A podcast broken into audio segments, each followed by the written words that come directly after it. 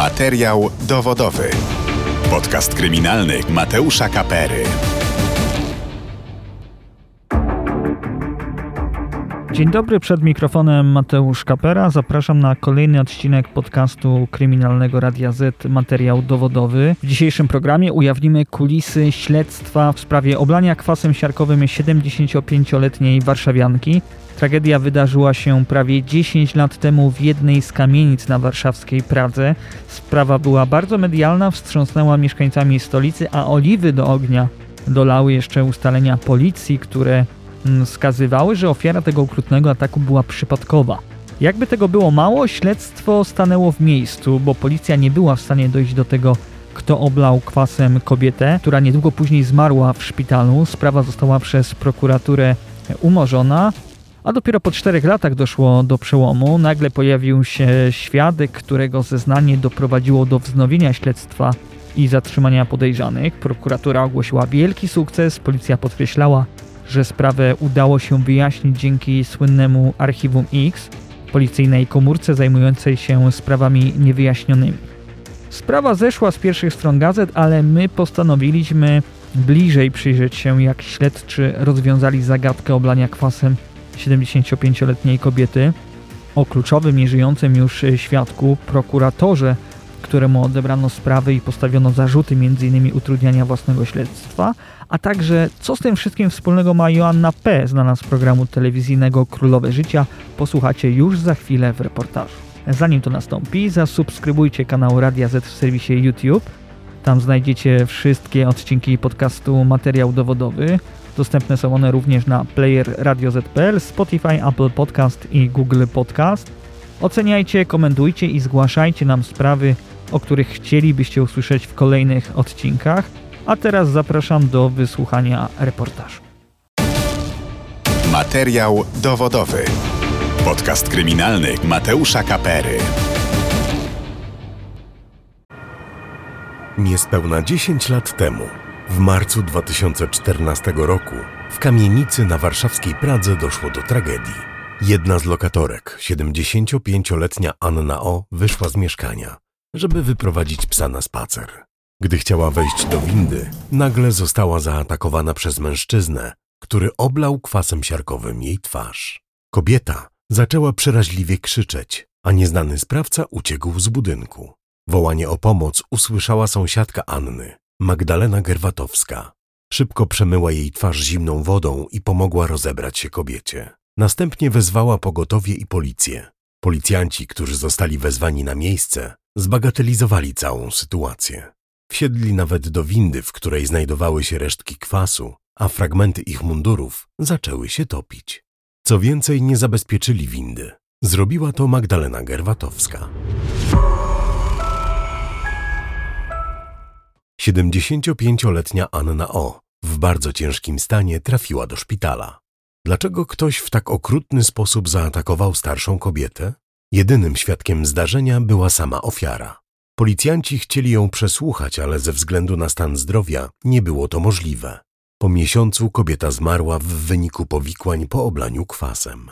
Światło na sprawę rzuciła sąsiadka, Magdalena Gerwatowska. Przekazała śledczym, że Anna O. po tym jak została oblana kwasem krzyczała dlaczego ktoś mi to zrobił? Czy to mogło oznaczać, że kobieta była przypadkową ofiarą? Gerwatowska powiedziała policji jeszcze coś ważniejszego i szokującego. To ona miała być celem ataku.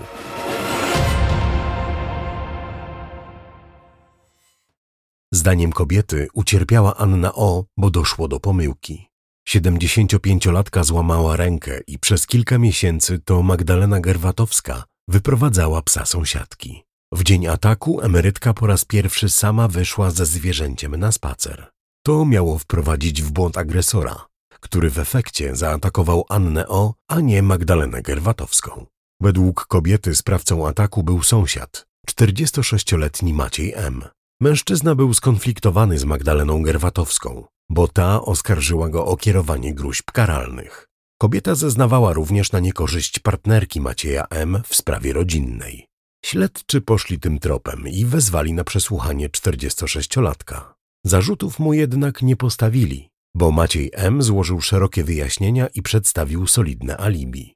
W chwili oblania kwasem 75-latki nie mógł być na miejscu zdarzenia. Potwierdziło to również nagranie z monitoringu w windzie. Kamera zarejestrowała mężczyznę, który gabarytami ciała nie przypominał w ogóle Macieja M. Śledztwo stanęło w martwym punkcie. Prokurator posiadał ubogi materiał dowodowy. Odcisk palca, nagranie z monitoringu i zeznania lokatorów. Użycie podczas napaści kwasu siarkowego przez napastnika znacząco utrudniło policji zbieranie dowodów na miejscu zdarzenia. W końcu prokuratura postanowiła umorzyć śledztwo ze względu na niewykrycie sprawcy przestępstwa. Do przełomu w sprawie dochodzi jednak po czterech latach od śmierci Anny O.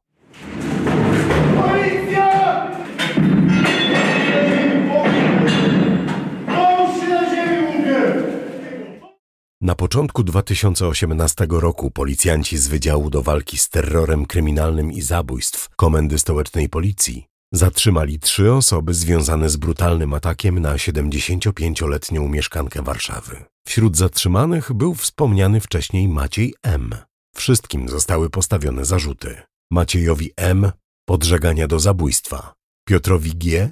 zabójstwa z zamiarem ewentualnym, a Adamowi J. pomocnictwa do tego czynu. Wszyscy byli wcześniej karani i spędzili kilka lat za kratkami. Co takiego wydarzyło się w śledztwie po czterech latach od tragedii, że udało się prokuraturze postawić zarzuty w tej sprawie? Formalnie śledztwo zostało umorzone e, bodajże w lutym czy w marcu 2018 roku e, ze względu na niewykrycie sprawców.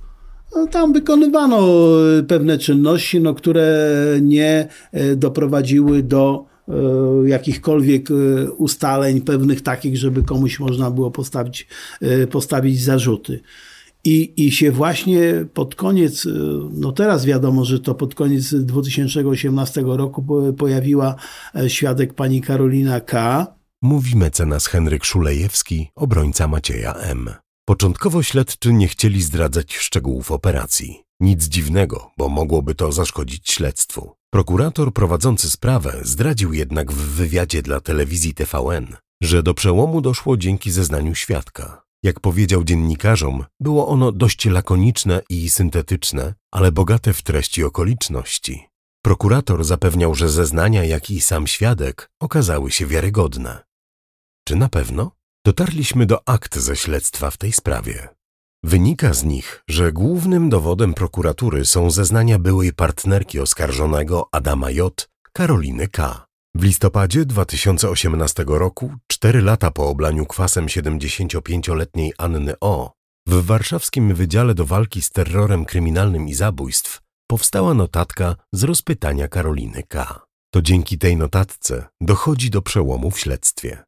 Co takiego policjantom powiedziała Karolina K. I dlaczego zrobiła to dopiero po czterech latach od tragedii?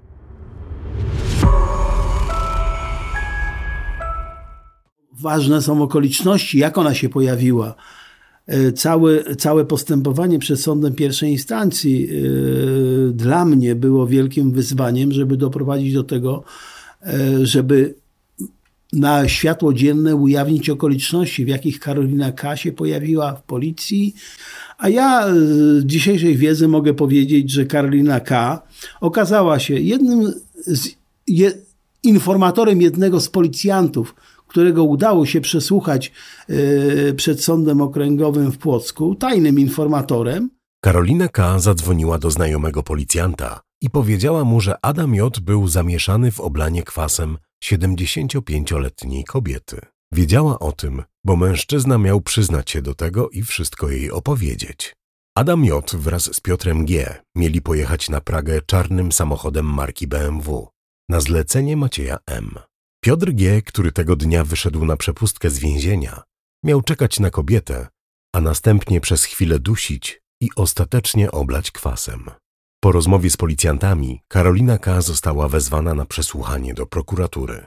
Śledczym opowiedziała, że czuła obowiązek podzielenia się wiedzą na temat zdarzenia z organami ścigania. Chciała, żeby sprawcy ponieśli karę. Związek z Adamem J. rozpadł się, a kobieta uważała go za zdrajcę. Mężczyzna zaczął spotykać się z inną kobietą, Joanną P., znaną z programu telewizyjnego Królowe Życia. Karolina K. miała wspaniałe, zasobne życie, gdzie mogła spożywać alkohol, gdzie może zjeść e, narkotyki, nie musiała się niczym zajmować, miała dostatnie życie, wyjeżdżała na ekskluzywne e, wakacje, które e, fundował Adam J. No, kwestia tego, że, że nagle się okazuje, że ona będzie od, od y, takiego wygodnego życia odcięta i będzie musiała jakoś inaczej y, dalej funkcjonować, no to była dla, dla niej raczej y, no, sytuacją dosyć, dosyć trudną do zaakceptowania. I ona w SMS-ach swoich groziła Adamowi Jon. Był ewidentny element jej zemsty, jej odwetu na, e, na Adamie J. Karolina K. przekazała śledczym, że mężczyźni chcieli zastraszyć sąsiadkę Macieja M., która miała zeznawać na niekorzyść mężczyzny w jednej ze spraw. Przypomniała sobie, że Adam J. tuż po zdarzeniu miał poprosić ją o spalenie śmierdzących ubrań. Zrobiła to w garażu, przynależącym do mieszkania mężczyzny. Później, jak starano się w, sposób e, kryminalistyczny weryfikować te zeznania, okazało się, że w garażu, w którym miały być palone ubrania, te rzekomo śmierdzące Adama J., nie było śladów e, spalania ubrań. To, to, to jest opinia kryminalistyczna pożarnicza. Czyli żaden obiektywny dowód kryminalistyczny nie potwierdził relacji e, Karoliny K. Skłamała co do tego, czy spalała te rzeczy i czy rzeczywiście to były rzeczy e, Adama J. Zeznania Karoliny K. doprowadziły do zatrzymania podejrzanych o oblanie kwasem 75-latki, a następnie sformułowania aktu oskarżenia w tej sprawie. Pojawiły się jednak wątpliwości co do wiarygodności kobiety. Karolina K. była wielokrotnie karana chyba pięć albo siedem razy, yy, w tym za przestępstwo rozboju. Miała e, i odbywała z tego tytułu karę. Miała również karalność za posiadanie, posiadanie narkotyków wielokrotnie. Miała kuratora sądowego, który wnioskował o odwieszenie jej kary. W 2018 roku wylądowała w szpitalu e, miejskim w Wołominie. Prawdopodobnie być może to było po próbie samobójczej, bo ona była nieprzytomna, zabrana z domu i zawieziona. I w wywiadzie swoim do lekarzy podała, że ona od około dwóch lat spożywa od 400 do 500 mg wódki dziennie. Karolina K. była uzależniona od narkotyków i alkoholu. Leczyła się w specjalistycznych ośrodkach. Kilka lat siedziała w więzieniu. Przed pójściem na policję wielokrotnie wysyłała wiadomości do swojego ówczesnego partnera Adama J., które zawierały groźby. W swoim telefonie posiadała zdjęcie jednego z oskarżonych, które prawdopodobnie pochodziło z kartoteki policji lub służby więziennej. W groźbach adresowanych do Adama J. powoływała się na znajomości z policjantami. Jeden z sąsiadów Adama J. zeznał, że Karolina K. pewnego razu na spacerze powiedziała, że załatwi Piotra G., bo buntuje przeciwko niej Adama. Z kolei inny świadek, Iwona M., zeznała, że Karolina K. również groziła jej w SMS-ach, że wsadzi ją do więzienia.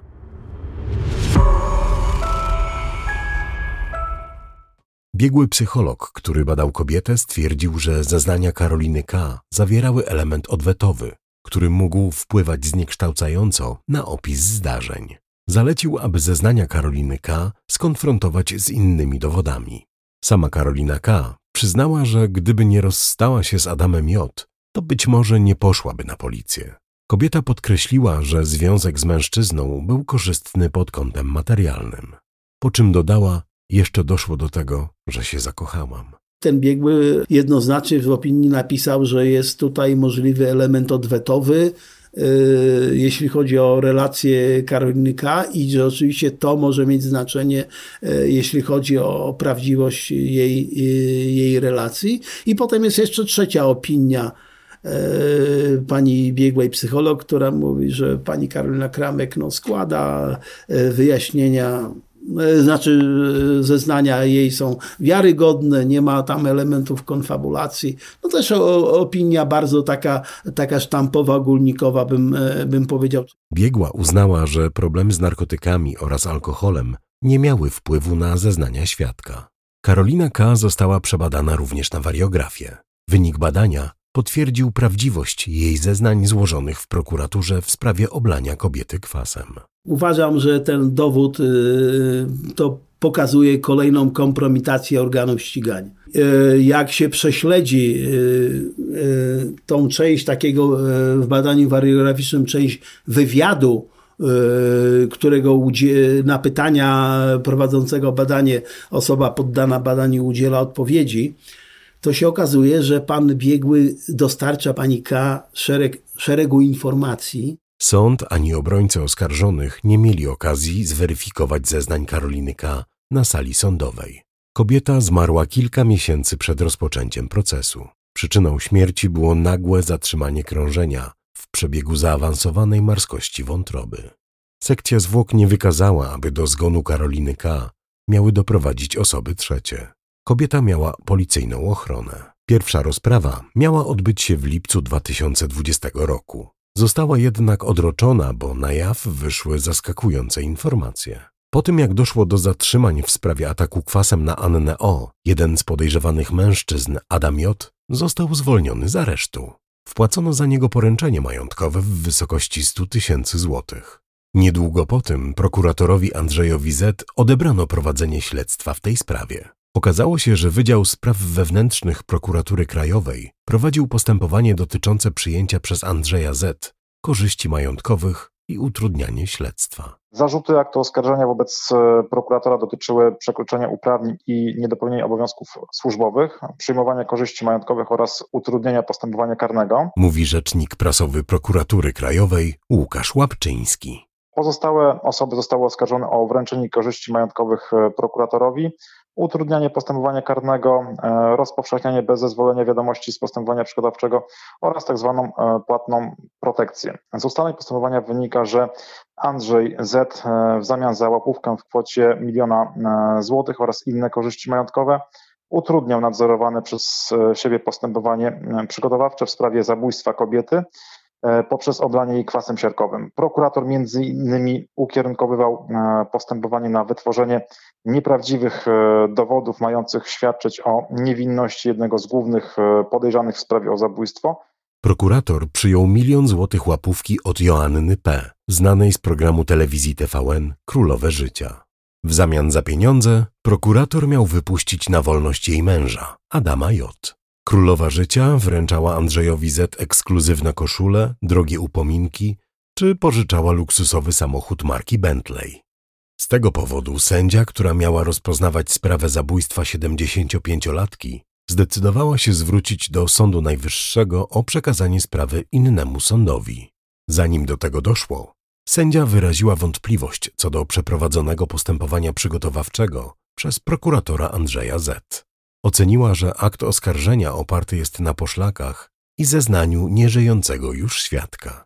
Jak się okazało, sędzia o możliwych zarzutach korupcyjnych dla prokuratora Andrzeja Z dowiedziała się z mediów. Sąd próbował bezskutecznie ustalić informacje w sprawie urzędnika w prokuraturze krajowej. Prokurator Andrzej Z stracił immunitet i trafił do aresztu wraz z Adamem J i Joanną P. Ostatecznie oskarżony o korupcję i utrudnianie własnego śledztwa Andrzej Z. opuścił areszt, a jego sprawa została umorzona. Sąd stwierdził, że zezwolenie Izby Dyscyplinarnej Sądu Najwyższego na ściganie prokuratora nie było skuteczne. Prokurator jest e, zawieszony e, w czynnościach e, służbowych, nie pracuje, tak więc nie wykonuje czynności służbowych, pozostaje zawieszony.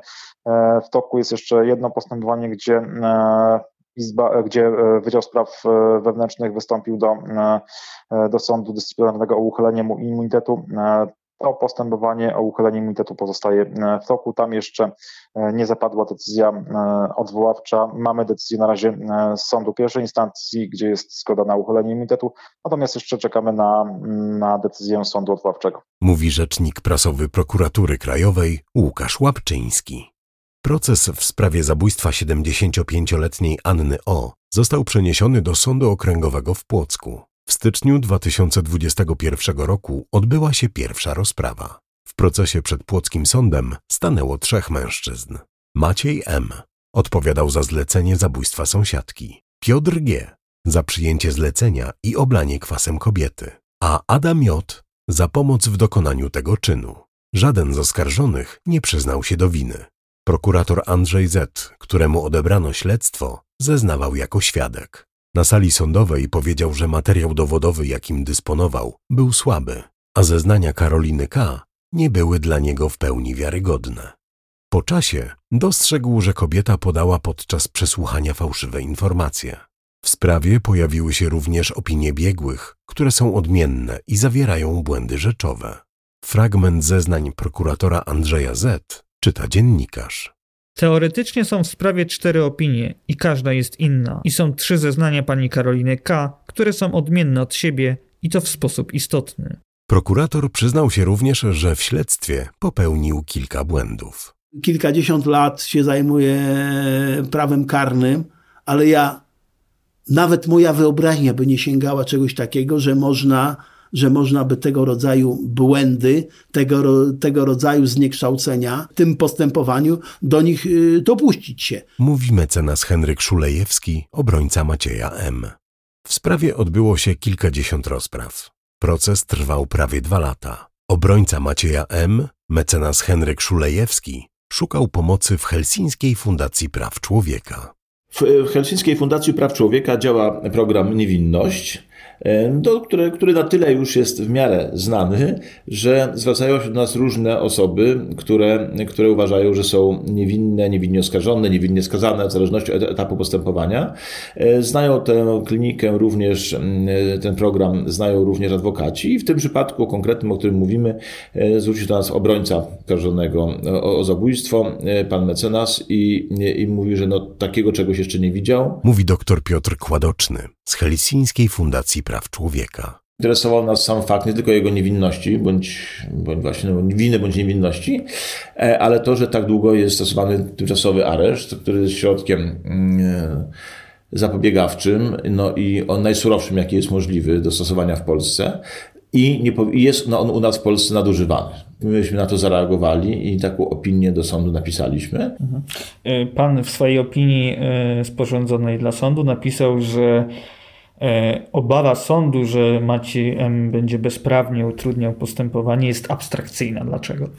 No dlatego, że nie ma żadnych cienia dowodów, że on by to robił.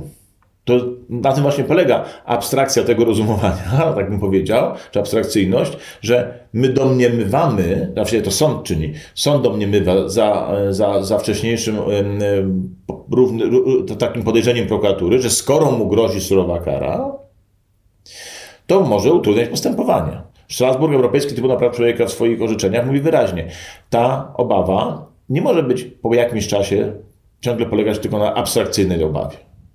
No, to muszą być jakieś dowody. W październiku 2022 roku Sąd Okręgowy w Płocku skazał Macieja M. na karę 15 lat pozbawienia wolności za zlecenie oblania kwasem sąsiadki. Piotr G usłyszał wyrok 10 lat więzienia za przyjęcie zlecenia i oblanie kobiety. Adam J. za pomoc w dokonaniu tego czynu spędzi za kratkami rok mniej. Mężczyźni mają też zapłacić łącznie 450 tysięcy złotych tytułem zadośćuczynienia, w tym 300 tysięcy złotych na rzecz córki ofiary. Sędzia, wydając decyzję, przyznał, że był to proces wyjątkowy, o charakterze poszlakowym, Podkreślił jednak, że materiał dowodowy był wystarczający, aby wydać rozstrzygnięcie. Czy w sytuacji, kiedy jest tak naprawdę jeden kluczowy świadek, który ma wiedzę o zdarzeniu, tak naprawdę z relacji z drugiej ręki, umiera też przed rozpoczęciem się przewodu sądowego, jest wiarygodnym dowodem w, w sprawie o zabójstwo? No mam wielkie wątpliwości rzeczywiście. Po pierwsze jest to e, świadek, jak pan redaktor powiedział, z drugiej ręki, czyli sam niczego nie widział. Opowiada, co usłyszał od osoby, nazwijmy to wspólnika w tym, e, w tym postępowaniu. Ani tego zweryfikować nie można już w tej chwili, bo świadek nie żyje. Sam ten, ta osoba, ten wspólnik, od, który, od którego mm, e, ta osoba się miała dowiedzieć, zaprzecza temu. No to jest troszeczkę mało to każdy na takiej podstawie może być skazany. Jeżeli byśmy przyjęli, że taki dowód jest wystarczający, to właściwie domniemanie niewinności jest super iluzoryczne. Zawsze znajdziemy kogoś, jak przy odrobinie złej woli, który powie, że słyszał. Od kogoś. Jest pana, nie mogę tego potwierdzić, bo mnie wtedy tam nie było, ale słyszałem. To jest bardzo prawdopodobne. I mamy takich procesów ostatnio w naszej klinice trochę, trochę więcej. Sąd zmienił ostatecznie kwalifikację czynu w przypadku Macieja M. oraz Adama J. na podżeganie do spowodowania ciężkiego uszczerbku na zdrowiu, a w przypadku Piotra G. na spowodowanie ciężkiego uszczerbku na zdrowiu. Wyrok jest nieprawomocny. Adwokaci skazanych zapowiadają odwołać się od wyroku, gdy tylko zapoznają się z pisemnym uzasadnieniem decyzji sądu. Apelację zamierza złożyć również prokuratura, która domaga się ukarania sprawców za zabójstwo, a nie spowodowanie uszczerbku na zdrowiu, jak ostatecznie zdecydował sąd. Materiał dowodowy. Podcast kryminalny Mateusza Kapery. Wyrok w tej sprawie zapadł w październiku ubiegłego roku. Dziś mijają dokładnie 4 miesiące od jego ogłoszenia. Wciąż czekamy na pisemne uzasadnienie tego wyroku. Dopiero wtedy dowiemy się, dlaczego sąd uznał, że materiał dowodowy w tej sprawie był wystarczający do skazania oskarżonych. To był podcast kryminalny Materiał Dowodowy, e, w którym to odsłoniliśmy Wam kulisy kontrowersyjnego śledztwa. A na dziś to już wszystko. Ja się nazywam Mateusz Kapera i do usłyszenia za dwa tygodnie w kolejnym odcinku. Materiał dowodowy. Wszystkie odcinki naszego podcastu kryminalnego znajdziesz na player radioz.pl i na najważniejszych platformach streamingowych.